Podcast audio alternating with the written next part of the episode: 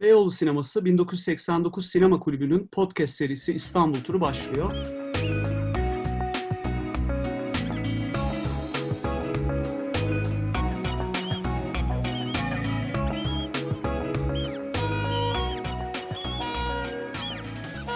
Ben Hakan Bıçakçı. Konu başlığımız biraz acıklı bu defa. Epeydir mahrum kaldığımız bir mevzu olan konserler üzerine konuşacağız. Tekrarda ne zaman kavuşacağımız belirsiz. Konuğumuz yazar, müzik yazarı ve senarist Doğu Yücel. Doğu hoş geldin, nasılsın? Hoş bulduk, iyiyim. Sen nasılsın? İyiyim. Doğu benim eski ve gönül rahatlığıyla çok yakın diyeceğim bir arkadaşım. Biz yazar ortamları dışında da birçok anımız var Doğu'yla.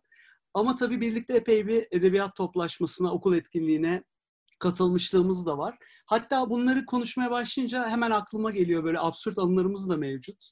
Bir okulda mesela hatırlar mısın da o etkinlik başlamadan evet, evet. hemen aynen. önce tuvalete gitmemiz gerekmişti. Sonra kaybolduk okulun içinde. Bayağı bulamadık şeyi salonunu. Yani bir salon dolusu insan, öğrenciler, öğretmenler, müdürler, işte il milli eğitim müdürü falan da vardı galiba.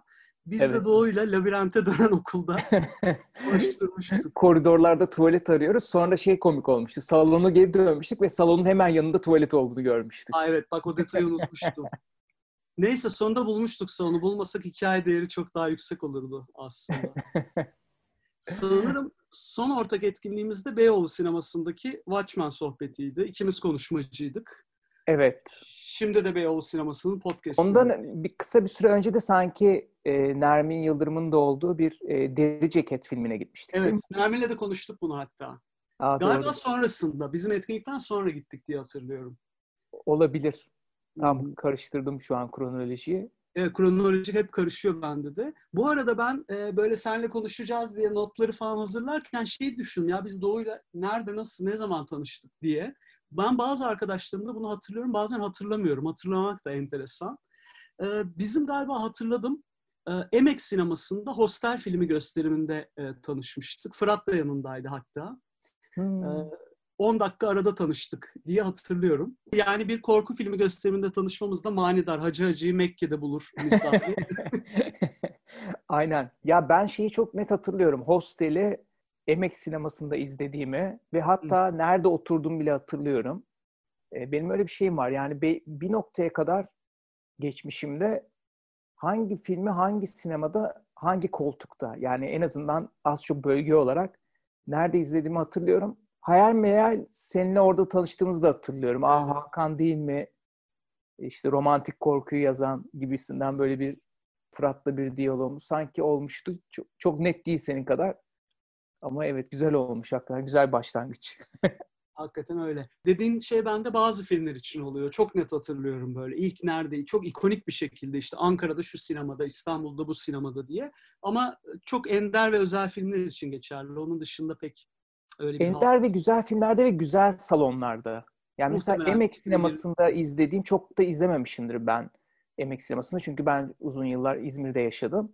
Fakat mesela Emek'te izlediğim filmleri nerede izlediğimi hatırlıyorum hangi koltukta. Çok o da ilginç. İyi sinema salonlarında o deneyim de daha yoğun yaşanıyor. O yüzden de hatırlıyoruz. Doğru.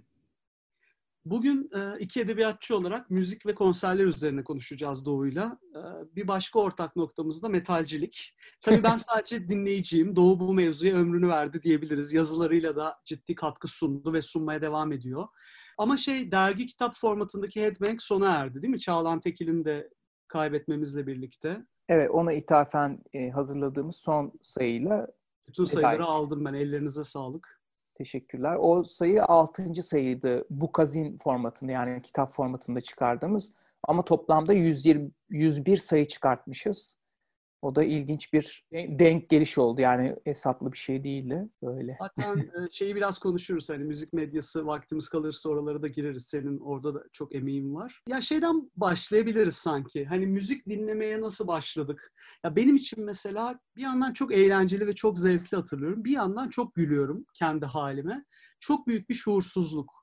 İkimizin de ergenliği 90'ların analog kültürüne denk geliyor. İşte çift kaset çalarlı tape diye bir şey var mesela. ikonik bir şey yani bizim ilk gençliğimiz için. Çekme kasetler, Walkman dönemi.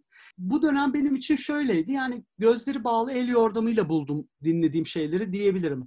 Mesela bu albüm kapaklarına bakarak kaset alma diye bir şey vardı. Hani ne kadar kanlı, ne kadar daha şiddet içerikliyse o kasetleri alıyorum. Ve müzik de sıfır bir müzikal bakış. Ne kadar hızlıysa o kadar iyi. Bu daha iyi diyorum. Bu daha iyi dememin tek sebebi davullar daha hızlı falan mesela. Ve burada e, internet öncesi bilgisizlik de var tabii. Şimdi ben mesela şey şuursuzluk şemsiyesinin altına şunları da alıyorum.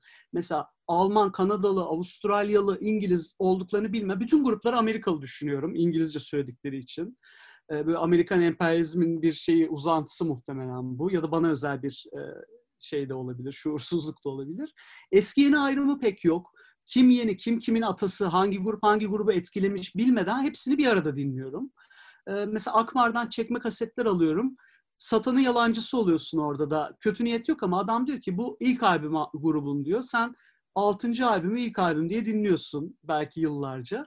Benim böyle hem şuursuzluk içinde ama bir yandan da heyecan fırtınaları içinde e, başladı bu macera diyebilirim. Senin dinleyicilik nasıl başladı? Fanatikliğe, metalciliğe nasıl dönüştü? Bir de tabii müzik yazarlığına nasıl dönüştü aslında? Bunlardan bahseder misin? E, aslında ben pop müzikle başladım. Yani işte herhalde 86-87 o yıllarda e, çok yoğun bir popçuluk dönemim var benim. Michael Jackson, Madonna, Aha gibi isimler. Ve şey tabii Samantha Fox. Yani çok büyük Samantha Fox hayranıydım. Böyle bir defterim vardı. Samantha Fox'un fotoğraflarını kesip e, yapıştırırdım işte özelliklerini yazardım, işte biyografisini yazardım falan. Öyle çok yoğun işte bir tane disco toplama kasetim vardı. Onu çok dinlediğimi hatırlıyorum. İşte Abbalar vardı içinde bir sürü başka. O dönemin 80'ler pop ikonları vardı. E, ve hep böyle bir popçu gibiydim aslında. Derken TRT'de Pop Saati diye bir program vardı. Pop Saati'nde Iron Maiden'ın bir klibiyle karşılaştım. Can I Play With Madness? O şarkının klibi beni çok etkiledi. Çünkü o klipte e, böyle bir resim dersi var ama dışarıda yapıyorlar ve böyle antik sütunlar var. E, orada resim dersi böyle açık havada. Ve herkes o antik sütunların resimlerini çiziyor. Bakarak birebir aynı. Bir tane öğrenci orada o antik sütununu da çizmiş ama arkaya böyle bir fantastik bir ortam koymuş. Bulutların içine böyle Edi gibi bir yaratık koymuş falan. Ve öğretmen o e, resmi alıyor, ben senden bunu istemedim diye yırtıp atıyor gibi bir sahne var. Yırtıp atınca ve orada böyle bir çukur oluşuyor. O çukurun e, o çukur bir dehlize sebep oluyor. İşte oradan bir fantastik evrene bir kapı açılıyor falan. Bu benim çok hoşuma gitti çünkü ben de o dönem işte kompozisyon derslerinde özellikle bizden hep böyle işte klişe konular üzerine kompozisyon yazmamız istenirdi. Benim kompozisyonlarım bir noktadan sonra böyle fantastikleşiyordu. Böyle uçuk yerlere gidiyordu. Biraz öykü gibi oluyordu. E, ve öğretmen her defasında ben senden böyle bir şey istemedim diyordu. Ben de niye beni frenliyor diye e, kendi içimde bir öfke yaşıyordum ve tam onun bir karşılığını görür gibi oldum. Artı müzik de tabii çok e, dikkatimi çekti. Hemen ondan sonra o albümü satın almıştım. Seventh Son of a Seventh Son.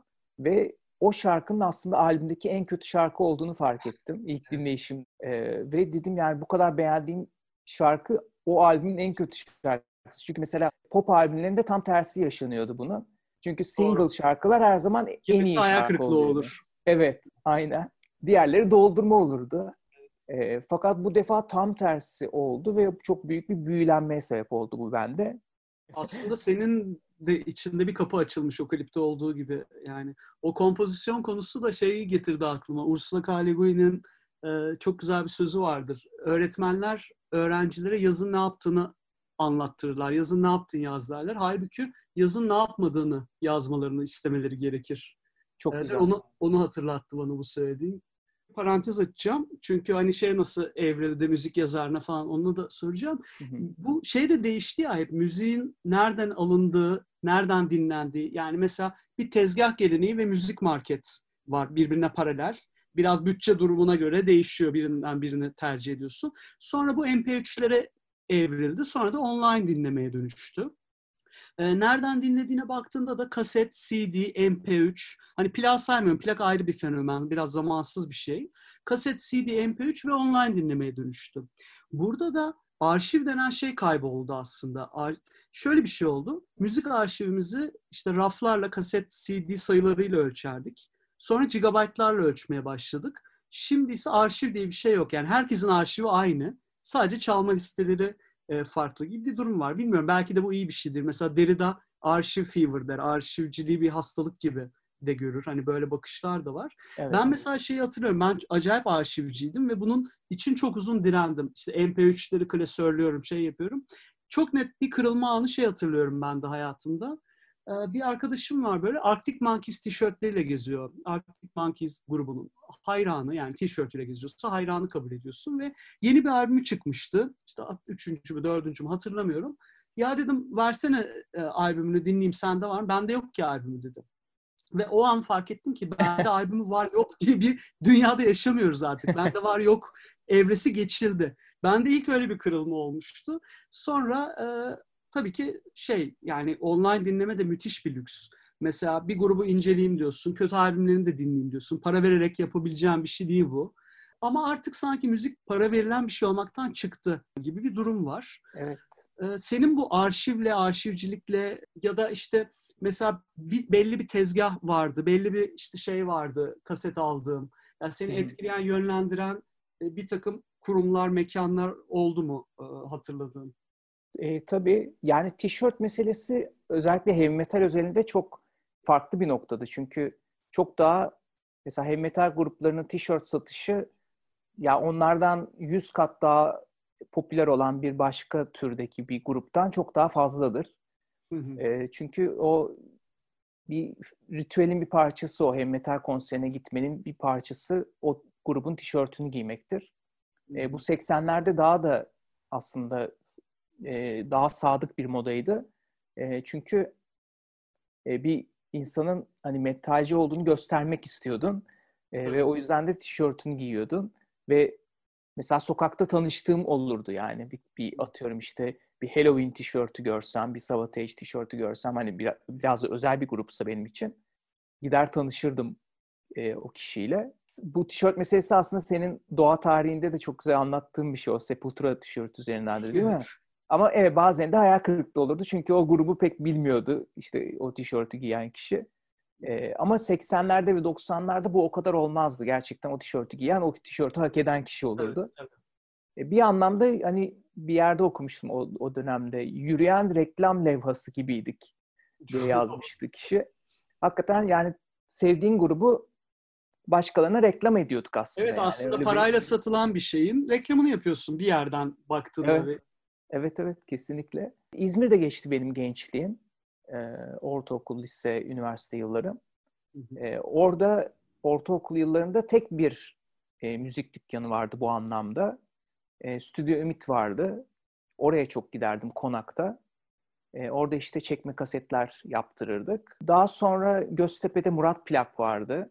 O da benim için önemli bir e, dükkandı.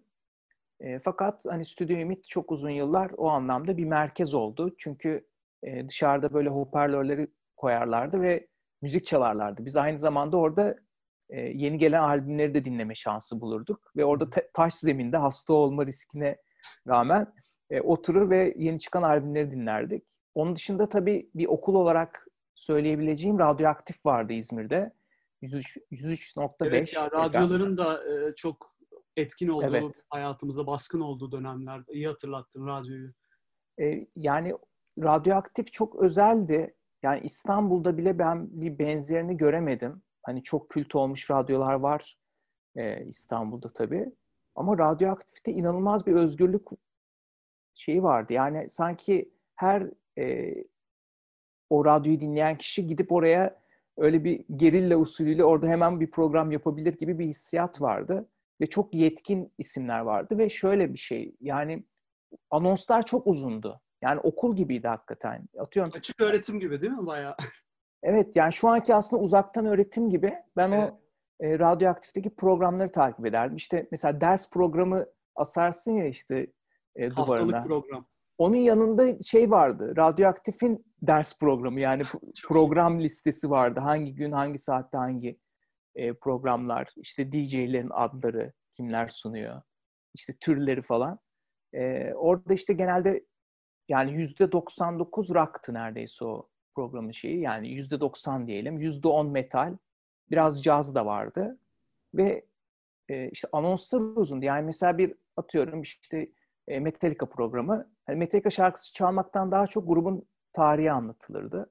Ne güzelmiş ya. Böyle konsept programlar olurdu. İşte Progressive Rock mesela. Progressive Rock'ın tarihini anlatıyor. Yani Orada işte kolayına DJ. kaçmamışlar. Düğmeye basıp Kesinlikle çok kaliteli insanlar yani çok donanımlı insanların e, olduğu bir radyoydu. Ben o e, radyoyu işte uzun yıllar dinledim. E, böyle bayağı fanatik bir şekilde. E, daha sonra bir, bir programda yarışma yapmaya başladılar. Yarışmanın ödülü de e, program yapma şansı ama bir seferliğine. Bir Hmm. saatlik bir program yapma şansıydı. Ee, ilk yarışmada kaybettiğimi hatırlıyorum. İkinci yarışmada kazandım ki bilmediğim bir grupla kazandım aslında. Iron Butterfly'ı bilerek kazandım. Çünkü e, o yarışmayı şöyle takip ediyordum ben. Zaten yayınlanmış 2-3 tane e, müz- müzik kitabı vardı. O müzik kitaplarını koyup e, hani kopya çekerek bir anlamda. o İşte zaman soru- Google'ını açmak. Evet, evet, evet, aynen. Ve işte soru soruldu. Ben hızla böyle rock ansiklopedisi vardı bir tane o yıllarda çıkan. Ee, onu karıştırarak Iron Butterfly sonucuna ulaştım ve e, o yanıtı ver- vererek e, bir saatlik program yapma şansı elde etmiştim. Ve 16 yaşındaydım ben bunu yaparken. E, küçüktüm bayağı. E, kardeşim ve yakın bir arkadaşımla yapacaktım programı. Biz bayağı günlerce çalıştık o programa, anonslara, anonsların sürelerine falan. Ve programı mükemmel bir şekilde yürüttük. Yani bayağı profesyonel ve yetişkin bir insan gibi o programı sunduk ve daha sonrasında ben bu programı devam ettirmek istediğimi söyledim. Bir deli cesaretiyle. Şu anda bile öyle bir şey yapamam. Ee, onlar da yani saatlerimiz boş dediler ama ben o kadar iyi biliyorum ki onların program şeyini, mantığını. Şey dedim pazar günü e, 9 ile 11 arası boş dedim. Bunlar böyle kala kaldı. Hakikaten boşmuş dediler. E hadi yapın dediler. Çok güzel. Aslında müzik yazarlığında sanki böyle başlamış. Yani müzik yazarlığı kariyerinin öncesi gibi olmuş. Böyle başladı. E, ben orada artık yetişemiyordum yeni albümlere. Yani para anlamında. Çünkü e, bir yerden indirmiyorsunuz. Herhangi bir plak firması size göndermiyor. E, ben de o yüzden işte tezgahlardan satın alıyorum. Stüdyo Ümit'ten satın alıyorum. Daha sonra Sevgi Yolu'nda bir küçük bir tezgah vardı. Yücel Şahin Beyoğlu'nun yürüttüğü. Oradan kasetler almaya başladım. Ama bir noktadan sonra artık yetişmiyor para. Yücel'e dedim ki ya sen bana kaydet bunları. Ben senin e, tezgahından bahsedeyim programda. Yani ilk barterlardan bir tanesi. Yani barter kelimesi yok. Yani. Sponsorluk. Evet. Sonra Yücel işte e, tamam dedi. İşte o bana kaset tedarik etti. E, daha sonra Yücel'in tezgahı da büyüdü. Belki benim yaptığım re- reklamla da birlikte. Sonra o Yücel Müzik olarak kuruldu. Hatta bu bağdan da dolayı bazen bana ait olduğu sanılır İzmir'de Hmm. Yücel Müziğin ama Yücel'e aittir aslında. E, sonra Yücel Müzik e, Non Serviam dergisi çık- çıkıyordu İstanbul'da. E, ama u- ulusalda dağıtılan bir dergiydi. Hı hı. E, o derginin bir kriz anında ben bunu sponsorluk yapabilirim bu dergiye dedi ve e, bir dönem Yücel Müzik etiketiyle çıktı dergi. E, o sırada Yücel benden yazı istedi. Yani benim de yazabileceğimi söyledi. Çünkü ben zaten öykü yazıyordum o dönemde. Yani Elim kalem bildiğim- tutuyordu. elim kalem tutuyordu. O şekilde işte Çağlan Tekil'le tanıştık. Non Serviam'da yazmaya başladım. Öyle başladı müzik yazarlığımda. Oradan Headbang'e uzanan. Evet.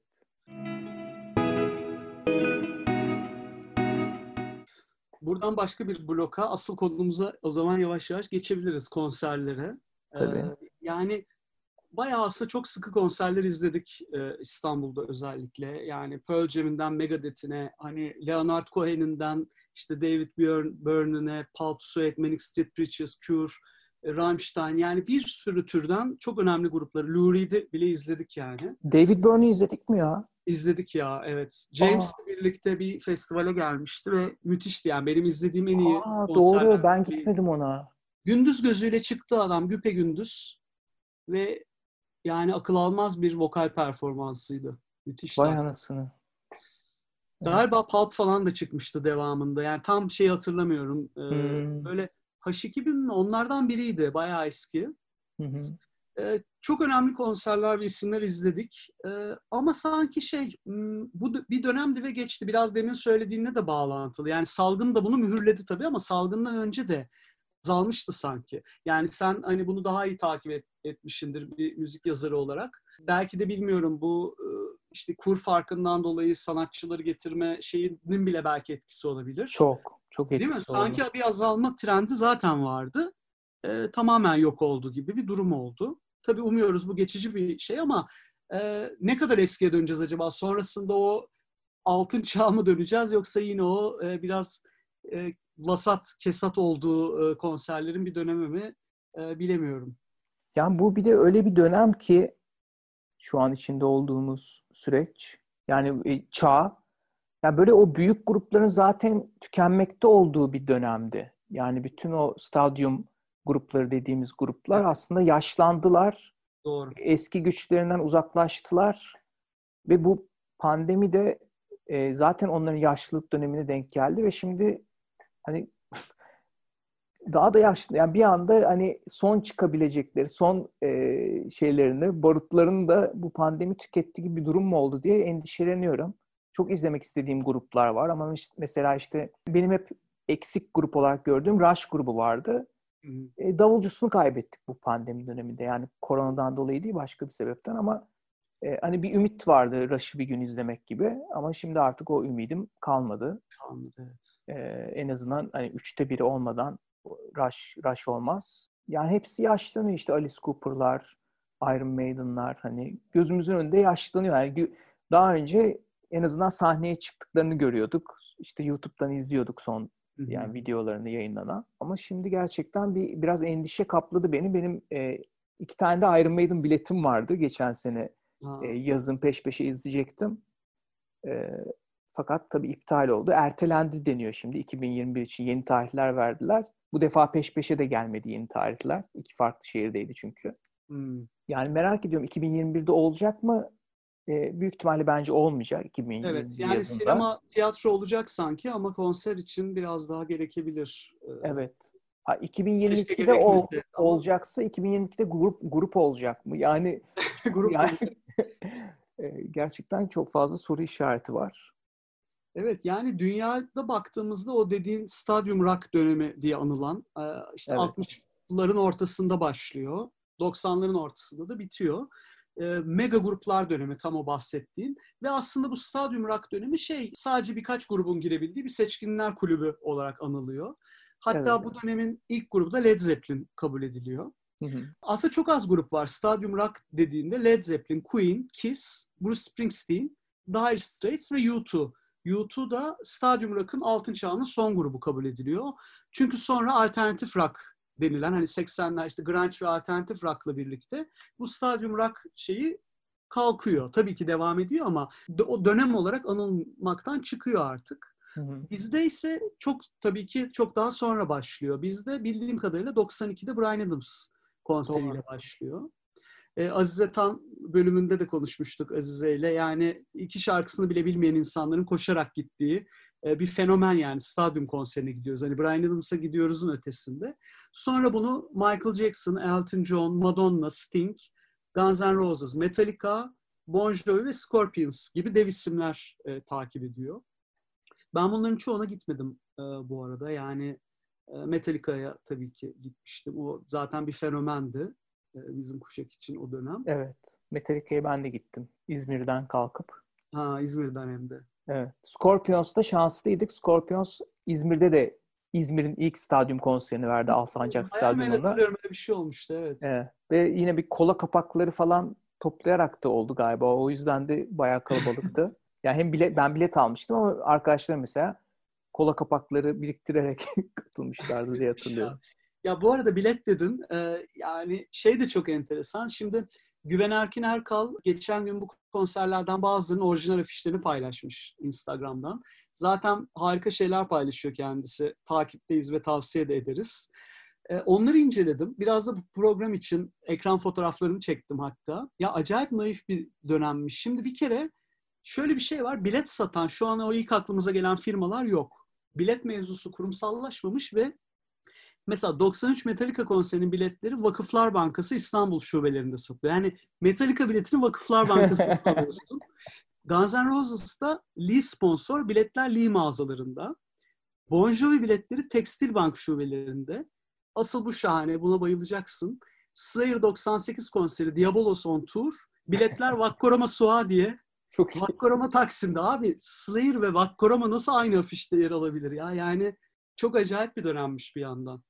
Senin bu konserlerden, bu dönemden e, böyle hatırladığın anıların var mıdır? Yani çok var. Ben İzmir'de çok fazla rock metal konseri izliyorum ama hep lokal kon- konserlerdi bunlar. Lokal gruplardı. Ee, ve genelde de düğün salonlarında olurdu. Yani mesela Evet. meşhurdur Alsancak Sarmaşık Düğün Salonu'nda sürekli böyle bayağı işte black metal grupları falan, death metal grupları çıkardı. Mesela konser biterdi ve düğün hazırlıkları başlanırdı. Ama etraf dağılmış böyle pislenmiş falan. Öyle konserlerden sonra ilk benim büyük konserim aslında e, Pentagram Açık Hava Tiyatrosu'nda fuar, fuardaki. Oydu. 92 idi galiba. Trailblazer turnesi. Ve hani kültür yeni yeni oluştuğu için herkes şaşkındı. Yani evet lokal gruplarda böyle bir daha bir samimiyet falan var. O yüzden coşku oluyordu. Eğleniyorduk bayağı ama mesela Pentagram konserinde böyle bir herkes bayılıyor tabii ki. Trailblazer albümü çıkartmışlar ama böyle bir hipnotize olmuştuk ve oturuyorduk. Böyle tiyatro Değil mi? Kim ne yapacağını bilemiyor. Evet, o evet. dediğin çok doğru. Yani daha yabancı bir kültür. Bize dışarıdan gelmiş bir şey ve elimizi kolumuzu nereye koyacağımızı bilemiyoruz gibi sanki bir durum da var. Kesinlikle. Sonra o gün Samuso 3. şarkının sonunda şey demişti. E, oturmaya mı geldik beyler dedi. Böyle tabii daha bas Çok bariton bir sesle. O böyle komutan edasıyla ondan sonra kıyamet koptu. Yani o ilk üç Belki o bir şarkıdaki- kırılma oldu çünkü öncesinde biliyorsun yani senin de demin dediğin gibi konserler, gazino, sinema, okul ve spor salonlarında ve herkes oturuyor. Yani ayakta diye bir organizasyon yok. Evet. Herkes oturarak konser izliyor. Hatta bu demin bahsettiğimiz metalci tişörtleri de yok. Kazaklı gençler e, Evet. oturmuş metal konseri izliyor ve ayakta izleme 90'larda başlıyor. Belki o e, oturmaya mı geldik bir kırılma anı olabilir. Kesinlikle. Ee, daha sonra ilk hani yabancı anlamında ilk büyük konserim de Metallica. Yani bir anda en zirve benim evet için. ya. Gökten inmiş gibi değil mi?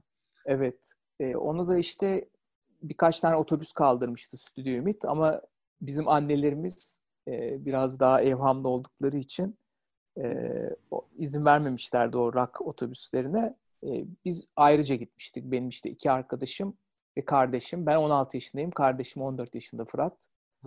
E, ve yan- yanlarımızda da üçümüzün de annesi. Yani üç tane de anne. E, onların biletleri yok. E, o komik bir anıdır. E, şimdi biz stadyuma gittik. Onlar bizi stadyuma bıraktı ve Taksim'de McDonald's'ta beklemeye başladılar. Mükemmel Ama- ya. Bu şu, şu ana kadar bile mükemmel hikaye. Ama işin komiği Taksim'deki McDonald's'ta diğer veliler de orada bekliyor. Yani sanki bütün o rockçıların anneleri orada bekliyor. Ve bunlar birbirlerini gaza getirmişler. Biri söylemiş artık ya işte e, çok vahşi geçiyormuş bu konserler sakatlanıyormuş. Biri başka bir şey ya ölenler oluyormuş falan filan. İyice bu evham katsayısı yükseliyor yükseliyor. E, annem bekleyemeyeceğini fark ederek cep telefonu da yok bu arada tabii ki. E, bekleyemeyeceğini düşünerek stadyuma gidiyor bizim annelerimiz tekrar. E, ve stadyumda polislere rica minnet içeri giriyorlar. E, şimdi orada konser şöyle, konserin dışında çok uzun bir sıra var. E, ve biz o sıranın içindeyiz. Önlerde yer kapmak için bir telaşımız var. Yava- yavaştan önlere böyle kıvrılıyoruz falan. E, sonra işte tel örgüler var. Tel örgülerle de stadyum kapısı arasında bir bölge var. Ve o bölgeyi hızlı geçmenin hesaplarını yapıyoruz. Yani ko- koşacağız tabii. Yani hızlı geçmek bu. E, tel örgüler açıldı ve biz başladık depara arkadaşlarımla birlikte. Böyle bir ork ordusu koşuyor gibi Yüzüklerin Efendisi gibi düşün. Aa böyle bir koşuyorum stadyum kapısına doğru. Bir baktım uzakta annem kollarını açmış. Yani babam ve oğlumdaki sahne gibi. Yanında da benim Tolga diye arkadaşımın annesi. O da böyle Adile Naşit'e benzetirim hep. Öyle bir kadın. Aa, ben böyle rüya mı görüyorum falan. Sonra yaklaşınca evet onlar. Annem bağırıyor lütfen oğlum gitmeyin. Gitmeyin diyor. konserler. Evet, evet gitmeyin çok bu konserler çok sert geçiyormuş. Orada şey söyledi, bu söyle, bunu söylediler, şunu söylediler. Ben tabii biraz sinirlendim. Çünkü ilk Tabii. defa ergen bir birey olarak özgürleştiğin, ailenden koptuğun ve onu doyasıya yaş- yaşamak istediğin bir an. Bir de grubu da erke önde görmek istiyorum. O yüzden erken saatte sıraya girmişim. Anneme ya anne merak etme saçmalama ne, ne diyorsun deyip hemen işte kardeşimi de alıp ya ama onun da evhamlı ol- oluşunu anlıyorum. Çünkü 14 Tabii. yaşında kardeşim Tabii. Fırat dönem. Yani bu olayı annenin gözünden de görebiliyorum. Bir cehennem gibi görüyor orayı ve hani bayağı travmatik bir şey ama senin açından da başka bir travma tabii. Bir metalci bir ergen olarak annenin peşinden koşması da. Evet. Çift taraflı yani iki tarafı da anlayabiliyorum. Çok güzel bir Tabii bir de İzmir'den gelmiş olmamız da hani İstanbul'u çok iyi bilmiyoruz. Tabii. Bir sürü etken var. Ee, ama sonra yani benim hakikaten hayat boyu izlediğim en güzel deneyimlerden bir tanesiydi Metallica konseri ki Metallica hani benim ilk beşimde yer almaz ama Hı hı. o konser gerçekten hani sosyolojik bir vakaydı adeta ve hani bir parçası olabildiğim için e, kendimi şanslı hissediyorum. Grubun da en iyi dönemi. Bayağı çok canlı kareler hala aklımda. Tabii şunu da hatırlıyorum. Konserin artık sonlarına doğru Jason Newsted bastaydı. O kadar aç kalmışım ki uzun süre. Böyle artık o Jason Newsted yani basın üst teline basmasın diye kendi içimde yalvardığımı çünkü bu sanki o midemde o bas frekansı dönüyordu. Öyle bir sonlara doğru böyle bir kabus yaşadığımı da hatırlıyorum. Ama o da deneyimin parçası yani. Müzik ruhun gıdasıdır şey olmuş. Tersi gibi bir şey olmuş. ya bu söylediğin o deneyimin parçası olmak işte asıl zaten hani bu e, hani yasını tuttuğumuz şey şu an biraz Evet. konumuz da bu. Yani bir yandan da tabii ama şu da var zamanla birlikte hani bir sürü şeyin dönüşümünden bahsettik. Bir normalleşme de oldu. Yani konser denen şey vaktiyle mesela ben bizim kuşağın o kadar e, tanık olmadığı deneyim onu o deneyimin bir parçası olamadığı dönemler bunlar ama sınırların zorlandığı çok acayip olaylarmış. Yani tarihe geçecek kadar etkili, böyle katılanların tam o demin dediğin gibi deneyimin parçası oldu. Biraz da ayinimsi durumlar. Tabii bir kısmı da şehir efsanesine dönüşür bunların. Ama mesela şey gerçek, Ozzy Osbourne'ın sahnede yarasa kafası ısırması. Bilirsin meşhur. Evet, evet, aynen. Ya inanılmaz saçma bir olay. Sen sahneye gelen yarasayı tutup kafasını ısırıyor. Koparıyor mu bilmiyorum da ısırıp öldürüyor. Sonra kuduz aşısı falan oluyor. Tabii hastaneye götürülüyor. Galiba konser yarım kalıyor. Tabii. E, ama orada tabii kendi gözünden şey diye anlatıyor. Ben onu oyuncak zannetmiştim ve insanları eğlendirmek için ısırmıştım. İşte kafası nasılsa Ya. artık onu oyuncak gibi görmüş olabilir. Evet. İyi diyorum şey Covid o zaman çıkmamış. Ozi ile beraber de bu yarasadan çıktıysa orada da başlayabilirdi. Şaşırmazdım yani. Ozi ile Yani- başlayan bir salgın hastalık. Yani bu e, aşırı teatral durumlar şeyle birlikte, grunge'la falan birlikte sanki hani hem kostümler hem atraksiyonlar bitiyor Hı ve her şey normalleşiyor. Yani biz abi çalmaya çıktık, parçalarımızı çalıp gideceğiz e, gibi bir duruma dönüşüyor konserlerde. Bence orada başlangıç trash metaldir. Her zaman onu söylerim ben. Doğru haklısın. E, çünkü hep o dönemde işte Iron Maiden'lar falan. Gleme, işte o- gleme tepki olarak biraz da kot tişört. Evet. Hep böyle tight giyerlerdi. Yani Iron Maiden bile yani en doğal gruplardan biriydi o dönem ama sirk gibiydi yani hani Evet. de sahneleri ve kostümleri. Ee, sonra glam metalde daha böyle bir kadınsı bir ve aşırı makyaj yapılan bir imaj e, sahneye sahneye geldi. Ee, daha sonra şimdi mesela thrash metalde bile e, aslında hani o uzun saç yine biraz bir yapılı saçlar yani onlar Tabii, öyle kabarık çok kabarık. doğal saçlar değil yani.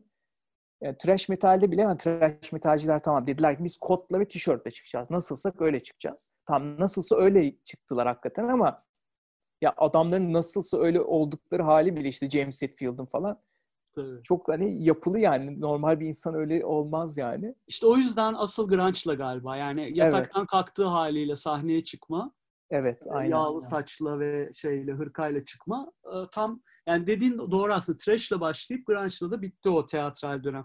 Tabii ki e, işte günümüzde Ghost falan gibi özel örnekler bu şeyi sürdürüyor. Ama o bile normalleşti. Ghost'un bile son dönemi daha şey e, daha abartısız diyeyim. E, hala maskelerle çıkıyorlar. Ve şeyde vokaliste makyaj yapıyor ya da Makyaja döndü. özel bir şeyi var. Makyajla maske arası bir durumu var onun. Bunun herhalde kökü şey panik tiyatrosu diye geçiyor. Yani işte şok rock denilen şey. Hani Hı. görsel olarak şoke etme. İşte White Zombie, Danzig, işte Misfits, Alice Cooper. Alice Cooper belki de ilk başta. Marilyn Evet. Manson, e, daha yakın dönem Rammstein. Bu arada Türkiye'de de İskeletler Orkestrası e, var 60'lı yıllarda. Bizim şok rakımızda e, bir bilmeyenler şeye baksın tavsiye ederim. Ben de çok yakın zamanda bir yerde karşıma çıktı. Google'da görsellere bile bakabilirsiniz. Çok acayip e, İskeletler Orkestrası. İskelet kostümleriyle çıkıyorlar. İşte rock'n'roll'un ilk başladığı dönemler. Şey farkı var mı? Yani yurt dışı konser. Senin eminim çok fazla yurt dışı konser tecrüben vardır. Benim e, hiç yok yurt dışında hiç konsere gitmedim. Yani şey dışında böyle ufak tefek bir pub'da, barda e, canlı müzik dışında Hı hı. ciddi bir konsere hiç gitmedim. E, oradaki şey nedir? Fark bahsetmek ister misin? E, ya ben çok gittim. E, yani kendi böyle bir müzik turisti diye adlandırabilirim. Değil mi? E, ama yani bu anlamda çok daha yetkin ve gerçekten hayatını buna veren arkadaşlarım da var. Onların yanında e, ben o kadar da değilim. Fakat işte bir grubumuz da var bizim işte Facebook'ta. Mesela orada sürekli konserler paylaşılır. İşte şu konser açıklandı, bu festival açıklandı. Daha sonra bir festivale gitmeye karar verildiğinde o festivale en ucuz nasıl gideriz, orada en ucuz nasıl konaklarız hepsinin planlarını yaptığımız işte uçak fiyatlarından e, otel fiyatlarına kadar bir grubumuz da var. Ve o yüzden çok izledim yani. Ben sırf Iron Maiden zaten 20 defa izledim. Herhalde toplamda yani 200 defa falan bu amaçla yurt dışına çıkmış olabilirim. Aynen. Hadi 100 diyelim. Hissedilen 200 belki. Evet. yani şey ne farkı var? Hani daha organize oldukları söylenebilir. Hani buradakilerin de hakkını yemeyeyim şimdi. E, fakat hani festival anlamında çok büyük farklar var tabii. Yani Türkiye'deki festivallerde bunu böyle daha çok böyle gruplar çıkıyor gibi bir festivaller bizde. Yani işte o- 10 tane, 20 tane grup var. Hı hı. Ama şimdi orada gerçekten bu bir kültüre dönüşmüş. İşte mesela Wacken Festivali bir deneyim aynı zamanda. Yani oraya gitmek, orada bulunmak, oradaki insan... Ya şey var mesela Wacken'de. Çok ilginç. Yani bir- bir- birçok festivalde. Karavanla gidiyorlar. Orada çam, e, şey e, kamp alanına karavanlarını koyuyorlar. İşte bir tane de çadır kuruyorlar yanına. İşte hoparlörlerini getiriyorlar, müzik çalıyorlar. Ve sadece bunun için. Hiç festival alana gitmiyorlar. Yani orada Havasını soluyor yani. Evet, Rammstein çalıyor, umrunda değil. O orada kendi ortamını oluşturuyor, içkisini içiyor falan.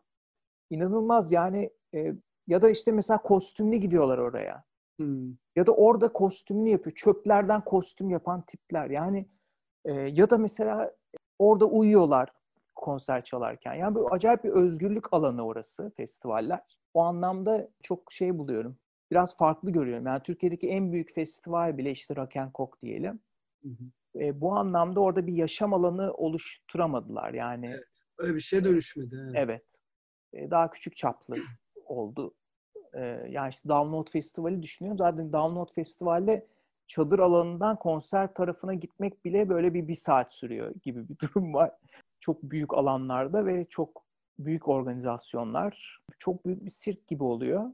Ya benim bir tek şey anım var. Şimdi sen anlatırken e, düşündüm absürt bir anı. Stockholm'e gitmiştim yıllar önce. Herkes Pearl Jam tişörtlü sokakta. İşte kırmızı ışıkta duruyorum. Karşıda iki tane Pearl Jam tişörtlü. Ona kafeye giriyorsun Pearl Jam tişörtlü. Mağazaya giriyorsun. Ya dedim bu şey Stockholm'ler Pearl Jam manyağı herhalde hepsi. Bir şeyi akıl edemiyorum. Konser varmış akşamına. Ve insanlar şehirde dolaşıyor. Ve benim bunu anlayamayıp e, Stockholmler Pearl Jam'i çok seviyor gibi düşünme şeyim aklıma geldi. Saçma bir olarak. Güzelmiş. Bahsettiğimiz azalma ile çoraklaşma ile birlikte aslında müzik medyası da aynı şekilde bitti. Yani sen de yıllarca emek verdiğin, bilmiyorum şimdi yazdığın bir yer var mı mesela? Müzik yazısı bir yere yazabiliyor musun? Yok düzenli yazmıyorum. Değil mi? Ya ben geçen şeyi düşündüm mesela. Bir ara birkaç sene önce üç tane sinema dergisi, ya- yazı yazdığım üç sinema dergisi vardı. Şu an e, yani bir tane sinema dergisi var. Evet. Ya bırak benim yazdığımı okuyabilen. Yani yazar olarak üç dergi varken şu an okur olarak bir dergi var gibi bir şey var. Müthiş bir Bu biraz da dünyada da olan bir durum tabii. Galiba internete ve YouTube'a kaydı. Yani Evet. mesela YouTube'da çok fazla da işte film inceleme, dizi inceleme kanalları Doğru. çıktı. Ee, O ve da güzel. Onu da e, Aynen. severek takip ediyoruz. Çok renkli bir şey ama e, diğer taraf ya müzik konusunda mesela sinema konusunda dediğine katılıyorum. Çok iyi içerikler var. E, ben de takip ediyorum ama müzikte pek o yok sanki. Ah, hemen hemen yok. Yani hakikaten mesela bizim Çetin Cem Yılmaz'ın bir e, çok kaliteli ve gerçekten çok disiplinli bir şekilde devam ettiriyor. Haftanın Yani albümleri, videoları var. soruyorum. Yok yakınması için değil. Varsa senden öğrenip takip edelim diye de biraz. Ya evet mesela Çetin Cem Yılmaz'ın videoları çok az izleniyor ama her haftada inatla yapıyor ve gerçekten hazırlanarak yapıyor ve çok ben e, yeni albümleri oradan öğreniyorum ve çok Oradan yorumları da çok yerinde. İşte Paslanmaz Kalem var mesela işte benim de sinema Evet. programlarına katıldığım. E, onlar da müzik konularına giriyor. Hatta bu sabah e, onların yeni e, videolarıyla açtım. E, 2020'nin 2020'nin yerli albümleri diye bir Aa, video. Tam bahsettiğimiz içerik. işte. Evet yani mesela şimdi bunun ve o videoyu izlerken şunu hissettim. Yani özellikle üreticiler için ne kadar motive edici. Ee, çünkü yok başka yani e, müzik medyası olmadan hani müzisyenin e, kendi motivasyonunu ayakta tutması da çok zor bence. Tabii. E çünkü bir hani tamam tabii dinleyicilerden aldıkları övgü önemlidir. E, fakat hani şimdi konser de veremiyorlar. E, o tepkiyi, o reaksiyonu birebir de alma şansları da kalmadı. E, hani bir bir yerde bir yazı da çıkmıyor. Evet yani yazı çıkmıyor, listeler yapılmıyor. Bunlar dediğin gibi çok da önemli değil listede olmak, yazı çıkması belki. Hani tırnak içinde bir sanatçı için ama bunlar bir yandan da çok önemli. Bu mesela sinemada var. Sinemada böyle bir popüler bir şeye dönüştü. Film listeleri, e, film yorumları. Hani herkes kendince eleştirisini yapıyor, yorumunu yapıyor, tavsiye ediyor. Beğenmediğini ateşli bir şekilde söylüyor. Ama Evet. müzikte böyle bir şey yok. Halbuki tam da listeler yapılıp e, üzerine yazılmalık bir konu. Ya tabii ki mesela Elvis Costello şey der, müzik üzerine yazmak mimari üzerine dans etmeye benzer deyip müzik yazarlığı. Evet. Öyle çok e, Zappa'nın lafı da var. Evet, tatlı bir bir yorum ama katılmıyorum tabii yani. Ben de katılmıyorum. Galiba e, dijital platformlar da bunda etkili oldu. Şöyle etkili oldu. Ben bunu hep eleştiriyorum. Yani işte Spotify, Apple Music bilmem ne bu bunlardan para kazanıyorlar. Yani müzisyenlerden daha çok şu an o platformdaki ne bileyim stajyer mesela bir müzisyenden daha fazla kazanıyordur. E, fakat e, karş, karşılığını vermiyorlar. Mesela bir dönem yapıyorlar sonra yapmıyorlar. İşte şarkı sözlerini koyuyorlar. Sonra bakıyorlar o uygulama yeterince tutmuyor, koymuyorlar. Ya mesela bir albüm çıkıyor. Yani bir yerine tıklayalım, o albümün kredilerini görelim. Yani kimler ne- neresinde yer almış, mühendislerini görelim. Yani biz eskiden orada kitapçıkları, CD kitapçıklarını teşekkürler kısmına kadar okuyorduk ya. Teşekkürler kimlere teşekkür et- etmişler diye bakıyorduk. Tanımadığımız insanlara bakıyoruz. Böyle isimlere bakıyoruz. Ama bu o deneyimin bir parçasıydı ve Tabii ki. yani daha iyi ak- aklımızda yer alması sağlanıyor. Şeyi biliyorsun yani ilk üç albümde şu gitarist vardı, dördüncü albümde bu gitarist geldi. Evet. Abi şarkıyı çok seviyorsun. Kimin yazdığını bilmiyorsun. Yazmıyor çünkü. Yani Evet. çağır buradan yetkililere seslenelim ya bilmiyorum. Yani çözüm önerimiz yok ama sorunları ortaya atıyoruz. En sevdiğimiz e, şey. yani tabii daha fazla yani şöyle bir şey de var. Hani bugünün dinleyicileri aslında daha şanslı. Biz bir albümü aldığımızda adamların tiplerini bile bilmiyorduk. Dedi insan işte ben her- herkesi Amerikalı zannediyordum diye. Ya Hangi milliyetten onu bilmiyorduk. Tipleri neye benziyor, hiçbir yaşları nedir? Hiçbir şey, hiçbir bilgimiz yoktu. O aslında o gizemi de arttırdı ve belki de o büyülenme kısmı da daha yoğun yaşandı. Hani müzikten Doğru büyülenme. Ama acaba şöyle bir şey de oldu mu? Yine başa mı döndük acaba? Hiçbir şey bilmiyorduk. Şu an her şeyi biliyoruz. Yani over information çağı deniyor ya. Yani Evet. parmağın ucunda ama yine hiçbir şey bilmiyoruz. Çünkü bilgiye ulaşmak o kadar kolaylaştı ki bu bununla birlikte bilgiye ulaşma isteği kayboldu. Pasifize olduk yani. Hani bu Huxley'in de söylediği şeydir ya aşırı bilgi bombardımanı insanı pasifize eder. Hiçbir şey öğrenmek istemez her şeyi bilebileceği zaman. Acaba diyorum başa mı döndük? Hiçbir şey bilmediğimiz dönemle her şeyi bildiğimiz dönem yine aynı mı? Yine grubun hangi ülkeden, e, gitaristi kim, e, kaç albüm var bilmeden mi acaba dinliyoruz gibi bir şeyim var. Şu an seninle konuşurken bunu düşündüm. Daha önce düşünmemiştim. Yani herhalde eksiler artılar var burada ya. Şimdi eskiden de biraz abartıyorduk mesela hani grubun kadrosunu ezberlemeler. Evet. Hangi grubun, stüdyoda kaydetti şey, Basçısının ikinci karısının şeyini biliyorsun falan adını soyadını biliyorsun. Şimdi mesela hani yine okuyorum onun hakkında ama ya diyorum bu bilgi zaten internette var. E, hafızama almama gerek yok diyorum. Ki zaten işte, evet. gerçekten de hani o kadar da önemli bir bilgi değil yani bilmek zorunda. Hafızamı niye onunla doldurayım? Ee, yani bir eksiler artılar var. Hani ama her konuda ben biraz onu savunurum her zaman. Yani bir konuda bir tutkumuz varsa o tutkuyu bir bilinçle de e, doldurmak gerekiyor. Yani edebiyata meraklıysan, yani kitap okumayı seviyorsan e, biraz ona kafa yorman, hani nasıl yazılır, nasıl okunması gerekir, o yazarın geçmişi nedir? Hani bunlarla biraz doldurman gerekiyor bu. Biraz evet, çok ABC bir şey söylüyorum aslında. Evet. Yani o yazarın etkilendiği yazarlara da bakmak. Bunlar tüm o e, okuma deneyiminden daha fazla verim e, performans almanı da sağlar. Yani fiyat performans mantığında bakarsan senin için de daha iyi olur. E, yani yoksa sadece oyalanmak, e, zaman geçirmek için yaptığımız şeyler olduğuna inanmıyorum ben. Yani sadece eğlenmek e, amaçlı değil okumak, dinlemek, izlemek. E, biraz bunlarla da doldurmak gerekiyor altını. Evet dediğin gibi ortasını bulmak belki en ideali olacak. O da herkes evet. kendince bulacak. Bunun doğrusu şudur diye biz buradan söyleyemeyiz tabii.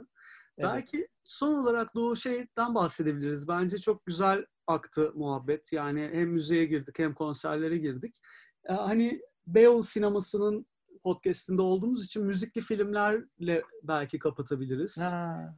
Yani son dönem ben mesela Anadolu turnesini izledim. Çok beğendim. Ee, yerli evet. bir yapım. Evet güzeldi. Tavsiye ederim. Bizden gidersek Blue var. Blue belgeseli de e, müthiş. Harun Tekin'le de anmıştık hatta e, geçen Hı-hı. programda. İşte Crossing the Bridge Sounds of Istanbul var zaten. Onun dışında benim aklıma şeyler geliyor. Daha doğrusu not aldım, notlarıma bakıyorum. Kimsenin İran kedilerinden haberi yok. Ee, Johnny Cash'i anlatan Walk the Line. Ee, işte The Doors, Whiplash, e, 21 Days on Earth, Nick Cave'in. En sevdiğim bunların içinde herhalde Control, Joy Division'ı anlatan. İşte Searching for Sugar Man çok iyiydi. Sixto Rodriguez. Evet, aynen. Smiths'i anlatan England is Mine vardı. E, Mötley Crue'yu anlatan The Dirt çıktı. Bir de son dönemlerde Lords of Chaos e, Mayhem'i anlatan e, film. O da evet. enteresandı. O da İzmir'deki meşhur... Ya, o ne acayip bir şey o konser. Yani Mayhem gibi bir grubun böyle bir hani karikatürize diyeceğim tırnak içinde bir evet. black metal grubu böyle işte giysilerini toprağa gömüyor ölü koksun diye. İşte hayvan öldürüyor falan böyle. E, bunları en... İzmir'de de yapmışlar. Hayvan öldürme kısmını değil. Öyle mi? Ee, toprağa gömmeyi mi? toprağa gömmeyi yapmış İzmir'de. Onu anlatıyor e, şey Arcan o konserin organizatörü.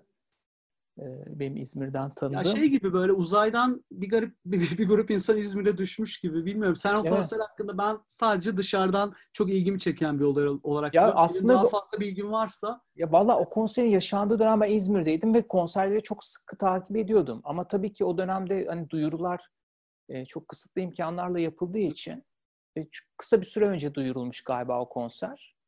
Ve alt grupta Hazel, ben çok büyük Hazel hayranıyım o dönem. Ee, yani kaçırmış olmama imkan yok aslında ama kaçırmışım. Ee, yıllar sonra hep hikayelerini Nerede oluyor konser? Parkta falan? Yine fuarda bir düğün salonunda diye hatırlıyorum. Düğün salonunda Mayhem evet, ya. Evet. İzmir'de düğün salonunda Mayhem. Ya bir evet. bunu, asıl bu film olmalı bence. Lords of Chaos hikaye. Değil mi? Gerçek Kesinlikle. Film bu. Ee, bu Necro Butcher en son geldiler Mayhem e, grubu İstanbul'da çaldı pandemiden kısa bir süre önce.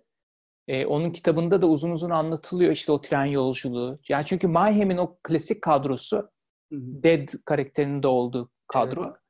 Evet. E, ve şu, şu an aslında sen bildiğin için ben de bildiğim için yani belki dinleyiciler bilmiyordur ama gerçekten çok acayip bir e, kafada var. O dönem e, yani black metal'in e, felsefesini hani realize edip artık gerçekten hani böyle bir kötülüğe e, yani sınır tanımama konusunda böyle bir yani, kendi aralarında yarışan bir tayfa bu aslında.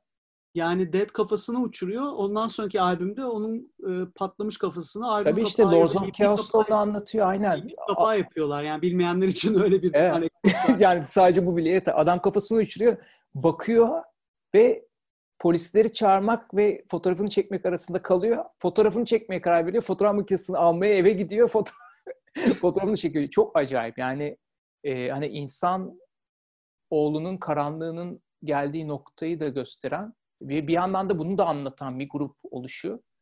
E, çok ilginç. İzmir ee, konseri de bildiğim kadarıyla küfür ettikleri için polis basıyor. Üçüncü şarkıda falan, ikinci, üçüncü şarkıda. Yok ya Hazel çok uzatıyor setini. Öyle hmm, yanlış biliyorum. anlatılır. O yüzden Hazel de hiç sevmezler. Hep böyle bunu anlatırken onlara hmm. küfrederler.